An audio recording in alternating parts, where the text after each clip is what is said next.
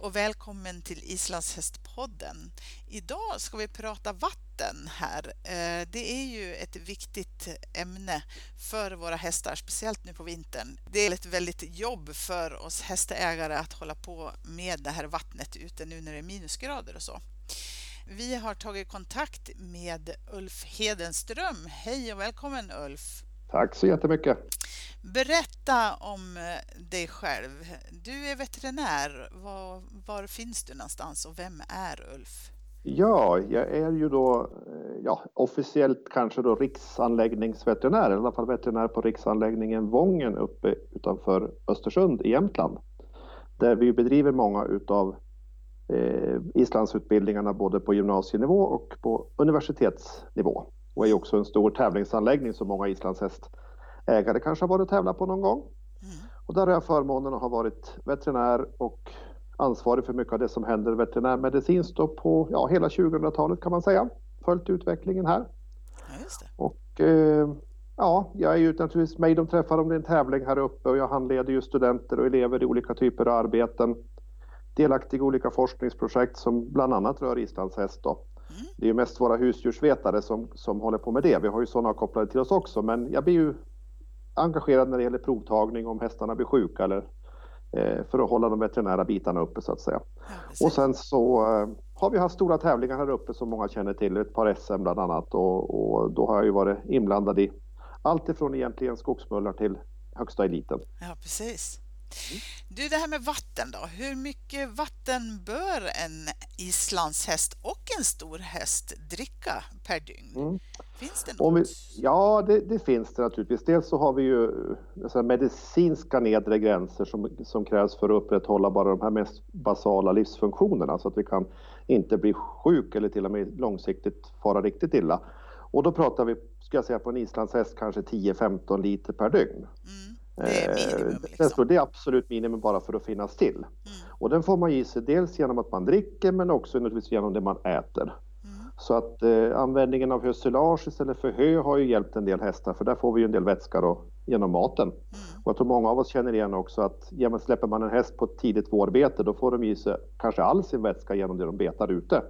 och dricker nästan ingenting i det vi ger dem. Så att där någonstans börjar vi väl och sen andra extremen då, det skulle vara hårt arbete en varm sommardag kanske på en tävling och då kan det vara lika mycket vatten per timme arbete. Då kan det röra sig om en hink eller två alltså per timme arbete på sommaren. Ja, så, så allt ifrån 10-15 liter per dygn till skulle jag säga lika mycket per timme. Ja. Och en stor häst då, om man ska titta på det?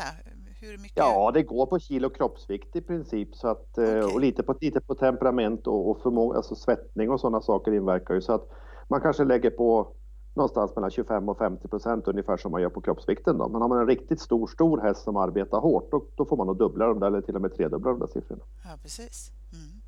Vad föredrar de då? Varmt, kallt vatten, hästarna? Vet man det? Ja, det gör man. Det, har för, det finns faktiskt lite svensk modern forskning på det där också. Man, de är inte så jättepetiga faktiskt vad det gäller temperaturen. Alltså, man måste ju servera frostfritt vatten. Alltså det som är, de knackar ju inte hål på isen. Nej. Och det är ju ett stort problem. Vi ser ju till exempel att antalet eh, koliker ökar på hösten och det kan nog delvis bero på att det är lite svårare för hästarna att komma åt sitt vatten därför att det fryser när vi är på jobbet och så. Mm. Så att över, över noll, absolut. Mm. Eh, men sen om det är 3 eller 13 eller 23, där, där kan man väl säga att de, där tvistar det lärde lite grann och det, det, är väl inte så att vetenskapen och, den, och erfarenheten går är riktigt samsynt på det här. Nej. Men i studier har man inte kunnat visa att hästar eh, egentligen föredrar någon speciell temperatur utan det är mer kopplat till vad de äter och när de äter. Ja, precis. Mm. Hur vet man om de har fått i sig tillräckligt med vatten? Då? Kan man se mm. tidiga tecken på uttorkning? Ja, absolut. Eh, på, man måste se det på två perspektiv. Det ena är individnivån. Alla hästskötare och ägare har ju ansvar för sin häst individ, på en individnivå. Och pratar vi islandshästar är det jättesvårt därför att de har ju ofta lite päls, särskilt på vintern. Ja, inte så lite heller. Nej, och då måste man faktiskt fram med klippmaskinen och klippa en liten ruta på halsen så man ser deras skinn på halsen. Och så nyper man lite i det skinnet och då blir det oftast ett litet hudveck som på en, torr, alltså en icke uttorkad häst, en häst som är bra hydrerad då den, där försvinner det hudvecket på en gång. Mm. Och blir det lite kvar, dröjer sig kvar några sekunder, då är de lite uttorkade, dröjer sig kvar många sekunder så är de mycket uttorkade. Då fattas det Oftast någon hink eller två. Och man kan också känna på slemhinnor, man kan lyfta på lite grann på läppen och känna på slemhinnorna så att eh, en häst som är då torr blir också lite torrare på sina slemhinnor och kan se lite torrare ut, i, lite insjunkna i ögonen och ja, på de ställen i kroppen där det finns slemhinnor helt enkelt. Ja, Men det enkla tricket är att försöka nypa lite grann mitt på halsen, ungefär där veterinären brukar vaccinera. Mm. Och eh, se hur det är där och börjar det se lite segt ut där, då ska man tänka. Men är det så att man till och med bör ha en sån liten ruta som man kan nypa i? Liksom? Eller ja, är det ja. andra, andra tecken som man tittar på först och sen börjar man raka? Eller? Ja, jag skulle nog kunna tänka mig att man skulle kunna, om man vill ha, ha koll, i alla fall en häst som har haft lite återkommande problem med magen och så, ska man kunna ha en liten kontrollruta klippt en 5 gånger 5 centimeter något just för att kunna hålla koll på vätskestatus. Jag tror det är en bra idé. Ja, okej. Okay. Mm. Kan man locka dem till att dricka vatten?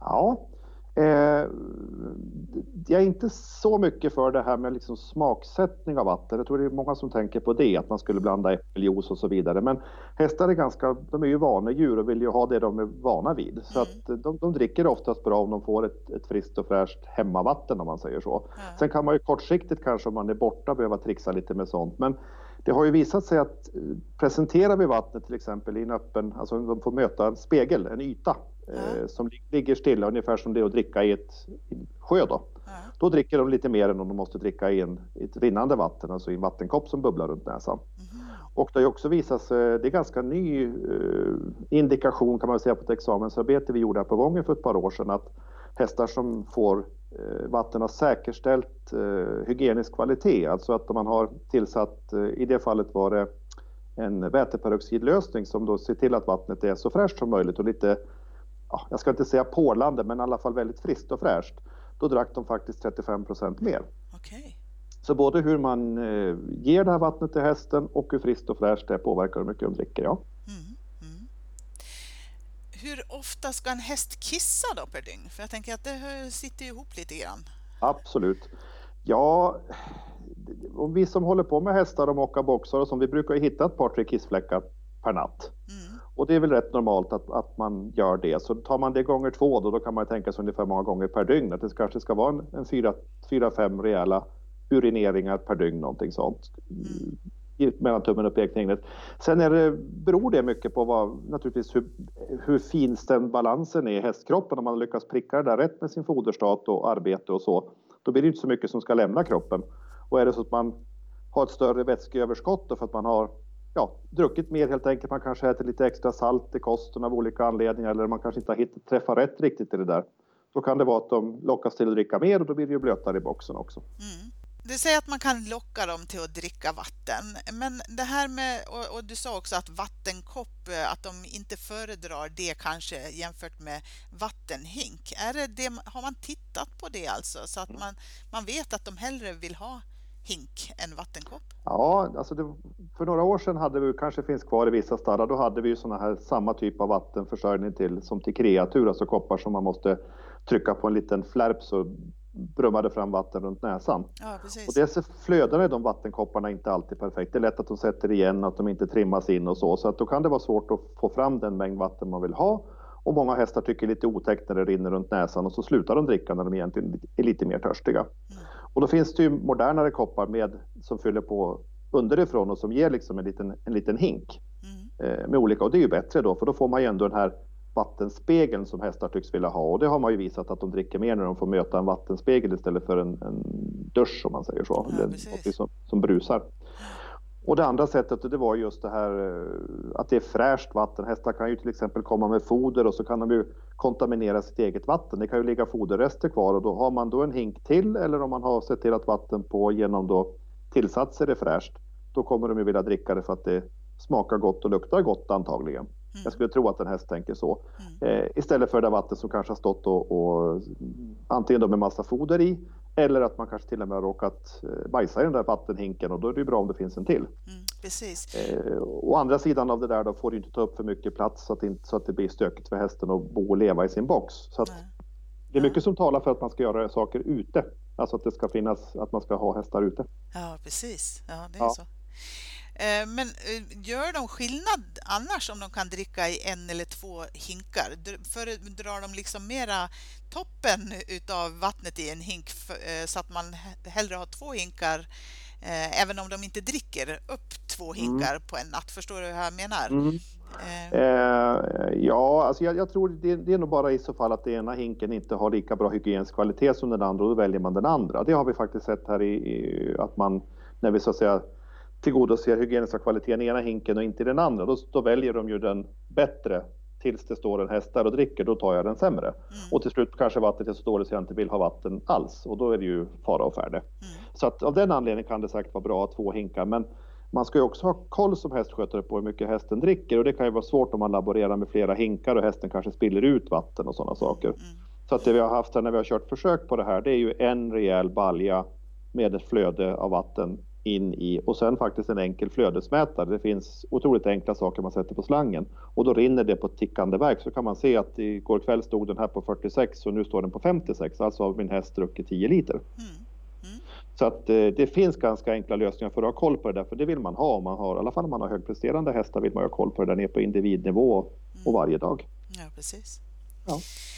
Jag funderar lite grann på det här med vätska vid transport. Är det större risk för uttorkning vid resor? Absolut. Eh, dels är det ju svårt att ge vatten och jag tror inte hästar har ro riktigt att dricka skumpa, inskumpande transport heller. Det, det blir det. Så bara stressen skulle jag säga inför att hästen anar att den ska transporteras kommer ju ändra dess foderintag och dess drickbeteende. Mm. Så jag, jag, brukar rekommendera att man faktiskt är ganska försiktig med det. Jag brukar säga att resan börjar när hästen fattar att du ska på tävling eller ska åka någonstans. Mm. Och kan man smyga lite med det då kan man ju faktiskt få hästen att, att må bättre eh, närmare sin prestation eller var den nu ska åka någonstans. Mm. Sen så har det också visat sig att foderstaten har även avgörande betydelse här. Står man på en ganska eh, om man tillåter hästen att ha en, en ganska eh, våt mage om jag säger så, alltså mycket vätska i sitt mag-tarmsystem och det har de ju ofta om de går på bete, går ut eller äter ett hösilage. Då finns det en vätskereserv inne i hästen ungefär som kamelens puckel. Mm. Och den kan den då leva av under transportresan. Så kommer de fram och så går de ihop lite grann. Man upplever dem kanske som lite bukiga när de går ut på betet. Men då går de ihop och när de kommer fram och ska prestera så har de använt den vätskan som finns inne i kroppen och det är nog det bästa sättet att, att lösa det på. Mm. För att tro att de ska kunna täcka det in i en halvvarm transport med lite stress och när de har fullt sjå och bara hålla balansen. Det är, det, är, det är en ganska utmanande situation att vara på resande fot. Mm. Jag hade just en fråga det här om att fylla på dem innan med vätska och det har du ju delvis svarat då med mm. att, man, att man kan göra det. Eh, men det jag funderade på, det, för det finns ju olika sätt att, att en del gör soppor och liksom eh, annat sådär för att kunna fylla på dem eh, på sommaren eller vid, inför en resa eller vid tävling eller så. Mm. Men det jag funderar på, det verkar inte som de är så benägna att kissa i transporten. Är det liksom farligt för dem att hålla sig då om man vätskar på dem innan eller är det bra att vätska på dem så mycket som möjligt så att säga inför en transport? Ja, eh, jag tror med, alltså man ska vara tydlig med att vätska på som jag menar då, det är ju att ha dem på en, en rätt och bra balanserad foderstat och se till att den saltmängd de får i sig är den saltmängd som de gör av med just då så att man inte ger en massa tillskott som kanske innehåller salt och lockar till drickande för då kan man hamna snett på det redan från början. Mm. Så att eh, hitta rätt hemma med, med foderstat och vätska och, och belöning efter prestation både vad det gäller foder och vatten. Eh, sen är det helt som du säger, det är inte kul för en häst att kissa varken i boxen eller i transporten om det skvätter runt benen. Mm. Och vi ska ströa ordentligt i våra transporter. Vi kan bli bättre på det så att vi har mer strö så att det inte skvätter. Det kan påverka urineringsbeteendet, absolut. Jag skulle inte säga att det är farligt att en häst står och håller sig några timmar för att det kommer till slut när den blir kissnödig så kissar den. Mm. Det, det, gör den ju. Men det kan ju definitivt ge en väldigt orolig transport och ökad skaderisk och, och kanske att det blir svårt att hantera när man kommer fram och så. Så det är ju absolut att försöka lära dem att kissa var de än är så att säga genom att man har ett bra en bra miljö för dem där de känner sig trygga. Mm. Eh, eh, det, det, är viktigt. Sen också den här urineringsställningen. Jag tror alla som har sett en häst kissa ser att det är ganska omständigt. Mm. Alltså de måste ju ställa sin position och, och, urinera och är man då lite stel i sin rörelseapparat, kanske har problem med någon led eller lite spänd över länden eller så, då kan det påverka urineringsbeteendet. Så jag tycker också man som skötare ska vara vaksam på hur hästen faktiskt mår i sin bakkropp bak, ja. som ju måste stå i en ganska extrem position för att, för att urinera normalt. Ja, Annars kan det bli lite spåskvättande och det, och det blir ju ännu mer spänt om man står på en lång resa, att man står och blir lite stel i sin muskulatur. Mm. Och då måste man ju lasta av hästen och låta den gå i hagen ett tag och kanske ta in den i en box som är väl uppströad så att den får, kan kissa i rätt ställning så att säga. Eh, och även där med box, när vi ändå är inne på det, eller transport, och att det, det är ju därför vi har, många gånger kanske man har minimimåtten, jag tror i och för sig inte islandshästar är så utsatta för det, men eh, har man en trång box kanske och en bråkig boxgranne, då blir det svårt att hitta rätt även när man ska gå på toaletten. Ja, precis. Ibland på vintern, då ser man rött kiss i snön. Mm. Varför det? Är det farligt? Vad är det här? Ja, det, finns, det är naturligtvis svårt att svara på exakt vad det är för varje häst, men det vanligaste man får den frågan det är nog helt enkelt att det är bra kontrast i snön, alltså det är vitt så man ser ju kisset bättre. Mm. Och så kanske att hästen har väldigt koncentrerad så det blir mörkgul, nästan lite åt det röda hållet, väldigt koncentrerad urin. Mm. Och det uppfattar en del hästägare som att det, oj, nu är det någonting farligt. Men jag tror helt enkelt bara att hästen kanske har hamnat lite tufft på det, inte haft så mycket kvar i sin urinblåsa, koncentrerat urinen väldigt mycket och så kommer den ut och så ligger det på sommaren ser du det inte för att det är grönt eller svart och, och på vintern ser man det för att det är lite vitare. Mm. Men eh, skulle det vara lite åt det röda hållet då, då första jag tänker på i sådana fall det är faktiskt att musklerna inte mår så bra. Okay. För att då är det muskel, det kan vara så att hårt arbetande hästar ibland har muskelsönderfall. Ja. Nu visar det oftast genom fler symptom, men man ska nog i första hand kanske tänka på hur mår egentligen musklerna på den här hästen? För det, det som mest färgar hästurin rött, det är sönderfall från muskler, alltså muskel, det röda färgämnet i muskeln helt enkelt. Mm. Sen i tredje hand skulle jag då kanske tänka att det här skulle kunna vara blod om det är rött. Mm. Och nu är ju hästars urinvägar väldigt friska. De har inte så att de drar på sig urinvägs, urinvägsinfektioner eh, särskilt ofta så som vi kan göra det, som en hund kan göra till exempel. Men det finns naturligtvis tumörsjukdomar och det finns urinsten och det finns även infektioner som ibland letar sig upp i urinvägarna. Och då kan det leta till, leda till blödning då. Och i det läget då, då kanske man har fångar upp lite av den där urinen och, och åker till sin veterinär med det urinprovet och så försöker man fastställa om det där är blod i det där och det kan man ganska enkelt göra med en sticka. Mm. Eh, eller att man börjar utreda muskelfunktionen så att säga. Så att, eh, väldigt friska vävnader rent generellt urinvägarna men eh, ser man någonting som är fel så skulle jag nog tänka i första hand koncentrerad urin, i andra hand muskelbekymmer och tredje hand kanske urinvägsbekymmer ändå. Då. Mm. Men om det är koncentrerad urin, tänker jag, eh, kan det vara det då för att de egentligen har fått i sig för lite vätska? Så kan det vara. Eller att man har hamnat på det här, liksom balanserat det där väldigt väl med drickandet och, och ätandet så att säga. Så man har en bra balanserad kost, då ska det ju inte bli något jätteöverskott Nej. på vätska i kroppen utan då ska det ju komma ganska små mängder urin. Ja. Och de dricker ganska precis så mycket som de gör av med så att säga. Mm. Men jag tror på islandshästsidan är det ganska vanligt vi ställer in, kanske inte vi arbetar dem jättehårt, men vi ställer in dem i ett varmt stall ibland eller rider i ett uppvärmt ridhus. Och så har jag päls som är gjord för att arbeta ute i 20 graders kyla. Mm. Och det är klart, då blir jag svettig där under pälsen. Mm. Och då gör jag med både vätska och salter och sen så vill jag ha salt och sen vill jag dricka. Så det är ju inte helt lätt att, att hitta det finstämda vätskebalansen utan man kan nog hamna både på underskott och överskott faktiskt där och då kan urinen i vissa fall då bli att jag har varit väldigt salthungrig, kanske fått salt efter det arbetet, så blir jag väldigt törstig och så dricker jag och så kissar jag mycket. Mm. Och i andra fall så kan det vara väldigt finjusterat det här och då är det ju väldigt koncentrerad urin som kommer ut. Mm. Men om man summerar det här då, är det ehm, bättre att, eller är det farligare för hästen att ha ett underskott av vätska i kroppen än ett överskott? Ja, överskott är ju sällan något problem. Allt vi ger som kommer ut med urinen, det kissar vi ut. Mm. Och det gäller alla vätskelösliga läkemedel och sånt vi gör också. Vi är sällan något bekymmer med dem eftersom att vi vet att kroppen kommer ganska snabbt att göra sig av med dem. Mm. Där är det ju värre med fettlösliga saker som man kan ansamlas i kroppen. Så att absolut kan man, ska man ligga åt något håll där så är det ju på ett litet överskott. Mm. Och så resonerar man ju i extremfallen med hästar som tävlar hårt i, i, andra länder att vi måste kanske till och med fylla på genom eh, alltså elektrolyter och vätska i blodet efter, efter en hård ansträngning för att säkerställa resan hem och så vidare. Så att absolut ligger vi, vill vi ligga lite på plussidan, det, det vill vi. Och underskott och lite små kroniska underskott dag efter dag, det kan ju leda till att till slut att vi har ett väldigt torrt, tråkigt tarminnehåll och ökad risk för mag-tarmproblem. Då tänker jag framförallt på koliker då, mm. som ju kan gå hur illa som helst. Och sen kanske att till exempel muskelfunktion, men förmodligen även hästens eh, arbetsvilja, vakenhet, alltså att fatta rätt beslut i rätt tid. Eh, skulle jag tro kan vara precis som på oss, att hästar kan bli lite eh, slöa och eh, svåra att få kontakt med därför att man, det fattas några liter vatten. Ja. Så i en prestationssynpunkt så vill man nog hamna väldigt rätt på det och varken springa ut på banan kissnödig eller, eller, eller lite uttorkad. Nej. Men till vardags skulle jag absolut lägga mig lite på plus. Ja. Eh, Det finns ju flera olika vattenbaljor att köpa på marknaden som eh, faktiskt hjälper en att eh, förse hästen med vatten på vintern för att det inte ska frysa. Är det en vettig investering, tänker du? Absolut, vi har jobbat med det jättelänge med att försöka rekommendera hästägarna och nu kommer det mycket lösdrifter och vi ser att hästarna gärna vill både äta och dricka utomhus. Och vill man servera mat utomhus så blir det ju oftast lite behov av vatten, eller det blir ju behov av vatten och då måste det ju finnas utomhus och som sagt vara frostfritt också då.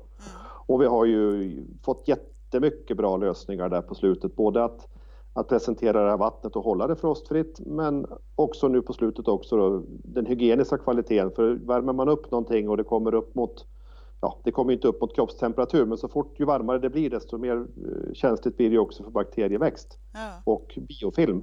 Och då har vi också fått att företag här i vår region har börjat samarbeta kring det här då, så vi både kan presentera ett varmt vatten men också ett hygieniskt vatten och det känns som vi har väldigt bra lösningar på marknaden nu. Vilken temperatur ska det vara för att det ska vara eh, hygieniskt? Mm, Ja, eh, det var väl på det sättet var det väl kanske bra att det inte visade sig att, som jag nämnde förut, att de, behöver, att de föredrar något vatten av någon speciell temperatur, utan det räcker ju att det är frostfritt. Okej. Men ska man vara säker på att det är frostfritt i alla lägen, då måste man ju ha ett antal plusgrader. Mm. Men sen ju fler plusgrader man har å andra sidan och upp mot kroppstemperatur, då, desto större blir ju risken för, för påväxt och biofilm och bakterier i det. Mm. Och då blir behoven större utav, av tillsatser kanske då, att man är där också mekaniskt och gör rent och tömmer och fyller på och så. Mm. Men det är väldigt lätt idag för att för en rimlig, rimlig slant skulle jag säga bygga sig förbi alla de här problemen och oftast kostar inte det mer än vad ett enda besök gör av, av en jourhavande veterinär på en, på en helg. Nej. Och tänker man så, då kan man, då kan man lägga de där 5 eller 10 000 kronorna på att bygga bort ett problem för alla hästar i sitt stall istället för att någon häst ska bli sjuk och kanske flera andra hästar ska må lite halvdåligt. Mm, absolut.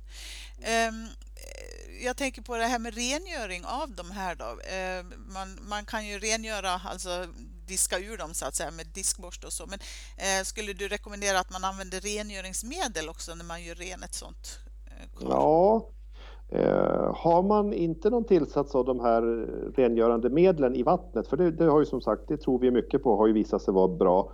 Då måste man nog ibland för att få bort alla foderrester och, och, och annat bajs och annat som kan hamna i det här, helt enkelt dra i bottenpluggen och, och rengöra med mekaniska rengöringen är ju alltid viktig. Alltså Mm. diskborsten du nämnde ju, låter ju jättebra. Men ibland om du har grott fast ordentligt så får man ju ha en, en tensid också, alltså lite såpa eller diskmedel eller någonting sånt. Mm. Och sen skölja ur den ordentligt så att inte den ger smak åt vattnet och sen fylla på med nytt vatten igen då. Ja. Men bygger man en smart lösning med det här efter de koncept som finns så är det inget bekymmer egentligen utan då rycker man ur bottenpluggen och sen så mm, torkar man rent och sen låter man automatiken fylla på igen. Mm. Och sen som liksom plus då på det där, då kanske man har också en tillsats i vattnet då som säkerställer att det är hygieniskt inte bara den timmen man just har rengjort utan kanske även imorgon och övermorgon om jag inte rengör det varje dag. Mm. Vad är det för tillsats då som man har? Ja, det vi tittar på och studerade här då i ett examensarbete på hippologprogrammet då, det är en, en eh, stabiliserad väteperoxid. Väteperoxid är ett, ett väldigt snällt ämne som ju jobbar eh, och oxiderar, jobbar mot biofilm och oxiderar. Eh, används i många sammanhang när det gäller tandläkeri, alltså tandläkarstolar, även livsmedelsklass. Alltså det är väldigt snäll kemikalie som man faktiskt både kan äta och dricka. Okej. Det blir egentligen bara syrgas. Det, det bubblar och blir syrgas och vätgas och, och vatten utav det när, det när det jobbar. Ja. Och den där finns i olika former, men den här stabiliserade väteperoxiden då som, som samarbetar med de här värme, värmekarstillverkarna numera då, eh, har ju visat sig då både ha en, en bra effekt på själva vattensystemet men också, det var ju jätteroligt att kunna visa också att hästarna faktiskt föredrog vattnet. Att de, varje häst vi hade i studien drack ju 35% mer när de hade den här tillsatsen. Ja. Så det var ju eh, också ett sätt att faktiskt få hästen att dricka mer än vad man kanske gör till vardags då. Ja. Så det, det behövs naturligtvis göra riktig forskning på det här. Ett examensarbete är ju en väldigt liten, liten indikation kan man säga. Men eh, sett till hur vi använder det här i, i, på människor och i samhället så är det, känns det som väldigt tryggt att ha det här i sitt stall. Mm. Men hur använder man det då? Ja, på många olika sätt. Det ska man använda det faktiskt som kanske vid den årliga stallrengöringen, att man låser igenom sina system och gör rent sin, sin anläggning med det i hög koncentration. Men man kan också så att säga, koppla på det på ledningen i väldigt låg koncentration och låta det ligga och verka hela tiden. Okej, okay. men så om man nu har en, en balja som inte eh, fylls på automatiskt utan mm. man fyller på den med slangen eh, lite ja. då och då, kan man tillsätta det då ja, också? Ja, då blandar man i det, då vet man hur stor den baljan är, om den är på 80 liter eller 100 liter eller 200 liter och så sen doserar man enkelt i det med en, en liten eh, ja, doseringsanordning helt enkelt. Okej, okay. ja, ja. Intressant. Du Ulf, stort tack för att du tog dig tid att berätta om det här. Jätteintressant verkligen tycker jag.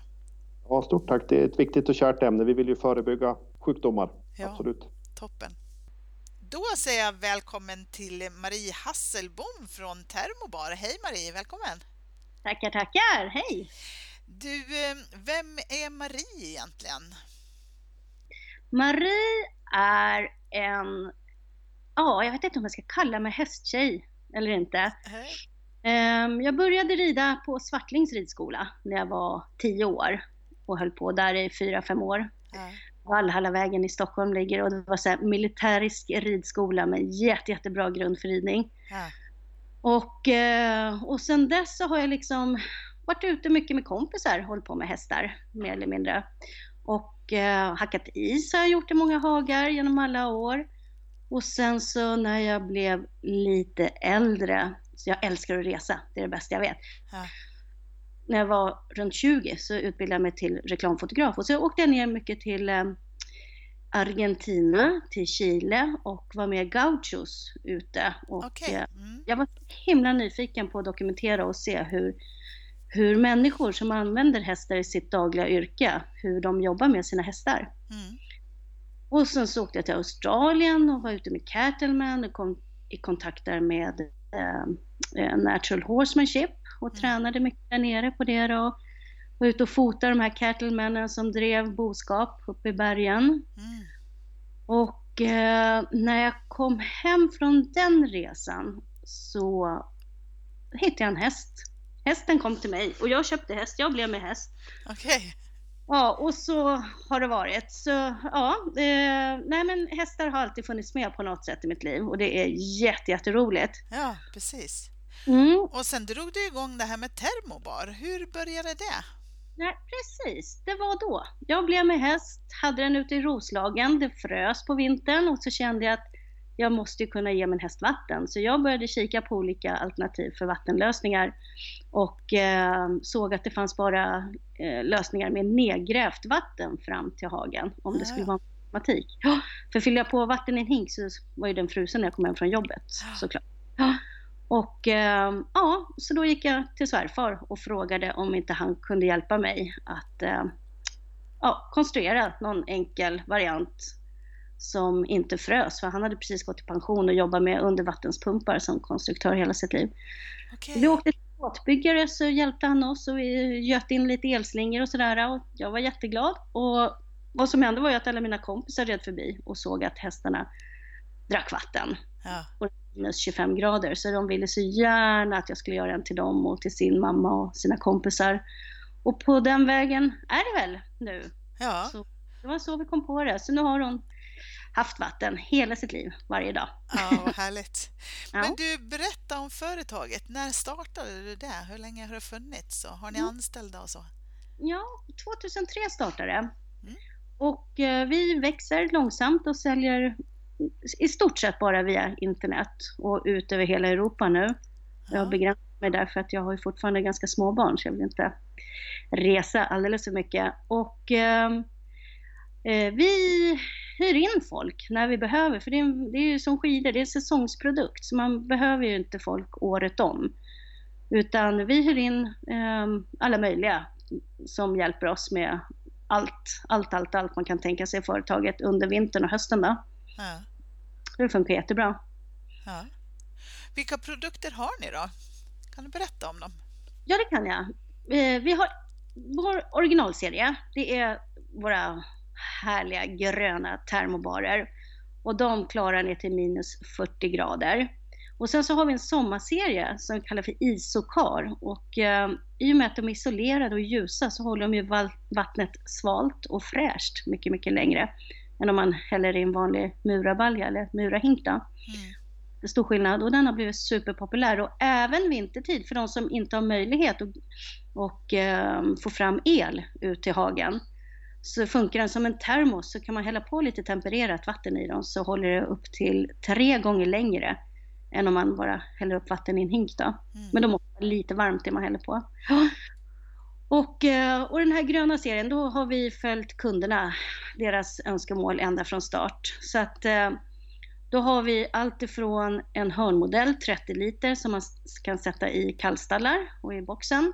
Mm. Och så har vi eh, ja, 40 liter för de som bara har en häst och sen så har vi 65 liter eh, för de som har lite fler hästar. Och det är så himla svårt att säga. Vissa hästar verkar dricka ofantliga mängder vatten och andra inte speciellt mycket alls. Mm. Det är jätte, jättesvårt att rekommendera storlekar. Mm, Men det, okay. det, är samma volym som ett badkar, 250 liter. Och det brukar stå ute på lösdrifter och, och så. Mm. Mm. Och så finns det med eller utan automatik. Om man har möjlighet, det är mitt absoluta, det är det jag säger till alla hästägare jag pratar med Eh, det tipset. Om de har möjlighet, gräv ut vatten till hagen och koppla på automatik. För det gjorde jag och det är nog det bästa jag gjort i hästväg. Mm. Ja. Mm. Och sen så just det, vi har den här ekoserien, 65 liter och 140 liter. Och det är en ny serie vi har tagit fram. För att eh, vi märker ju att eh, de håller ju inte för evigt de här. Så när de pajar efter 10 år, kanske 12 år, så kan kunden laga allt själv. Okay. Varenda reservdel finns att köpa på nätet.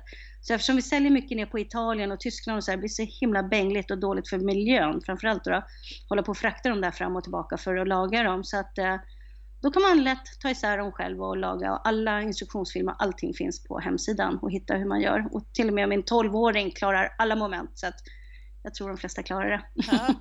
Men du, är de, motsvarar de varandra eller är det stor skillnad på de här Mm, de, de gamla och nya ekoserien? Ja. Ja. Nej, det är ungefär samma. Vi har tagit lite enklare sladd. Eh, och från, och, nej, det är samma plast, eh, livsmedelsgodkänd och hål i botten på de större och klarar ungefär samma temperaturer. Mm. Och man kan sätta på en termostat om man vill ha mer exakt då, om man vill, också väldigt enkelt. Ja, Mm. mm. Men du, du sa att det är svårt att säga eh, hur, hur, hur man ska välja, att det är olika på mm. hästar, hur, de, hur mycket de dricker och så. Mm. Eh, men har, har du någon sån där fingervisning som du brukar eh, liksom mellan tummen och pekfingret, vad, hur, hur man väljer på för vis? Har man tre hästar i en hage, eh, räcker det med den här 65 litern då ja, per dygn eller hur funkar det? Inte om de går ute dygnet runt. Nej. Men om du tar in dem eh, på natten, och det verkar fortfarande som de flesta gör det i Sverige då. Mm. Och då, då brukar det räcka med 65 liter, men sen så är det många som har ringt och fått köpa en till för att eh, det har inte räckt helt enkelt. Och det är ju unghästar verkar dricka väldigt mycket och digivande ston och mm. ja, ja, alla varianter. Så, ja, Sen så upplever jag, för jag har själv en mm. termobar, eller en, flera stycken faktiskt, eh, mm. och eh, jag upplever ju att de dricker ju mera vatten när de har en termobar än vad de gör annars, så att säga. Mm. Absolut. Ja. Jag gillar ju det här tempererade när det är svalt ute. Och 17 grader ska det vara om hästen själv får välja. Okej. Okay. Mm. För vi har termostat som slår av där vid 17 grader. Då. Mm. Ja, mm. Hur mycket ström drar den då? Ja, de förbrukar den minsta, nu ska jag säga watt. De flesta vet inte vad, riktigt, kan inte koppla det till pengar. Men den minsta är på 50 watt och den högsta är på 220 watt. Mm. Och det är, man kan säga mellan tummen och pekfingret, nu är det ju termostatiskt så de drar ju inte hela tiden utan de stänger av sig emellanåt. Men ungefär mellan 1,50 för den minsta till ja, 5,50, 6 kronor per dygn för den största. Okay. Mm. Och då, då är det riktigt kallt ute när de drar så mycket. Mm. mm. Ja, det är det viktigaste fodermedlet, det får man inte glömma, vatten. Ja, absolut. Mm. Du eh, nämnde att plasten är livsmedelsgodkänd. Vad innebär det? Ja, det är en herrans massa lagar och stadgar för vilka plaster som är godkända för att användas i livsmedelssammanhang. Och eh, det, är, det, är en jätte, det är jättebra. Alltså, för mig var det så himla självklart och viktigt att vi skulle välja det i början. Det är en väldigt, väldigt dyr plast. Men det är sådana som man ser som, ja, som används i skolkök och restauranger och som inte avger några gifter och kemikalier. Kemikalier avger den, men inga giftiga kemikalier. Ja, Från de här svarta EPP-plasterna då, som, eh, ja, som många ger vatten i åt sina hästar. Och i synnerhet om det ligger värme på så är det inte så jätte, jättebra, säger de som kan det här. Okay. Mm. Ja, intressant. Du, mm, vi tackar dig så jättemycket för att du ställde upp och berättade om Termobar. Ja, det var så lite.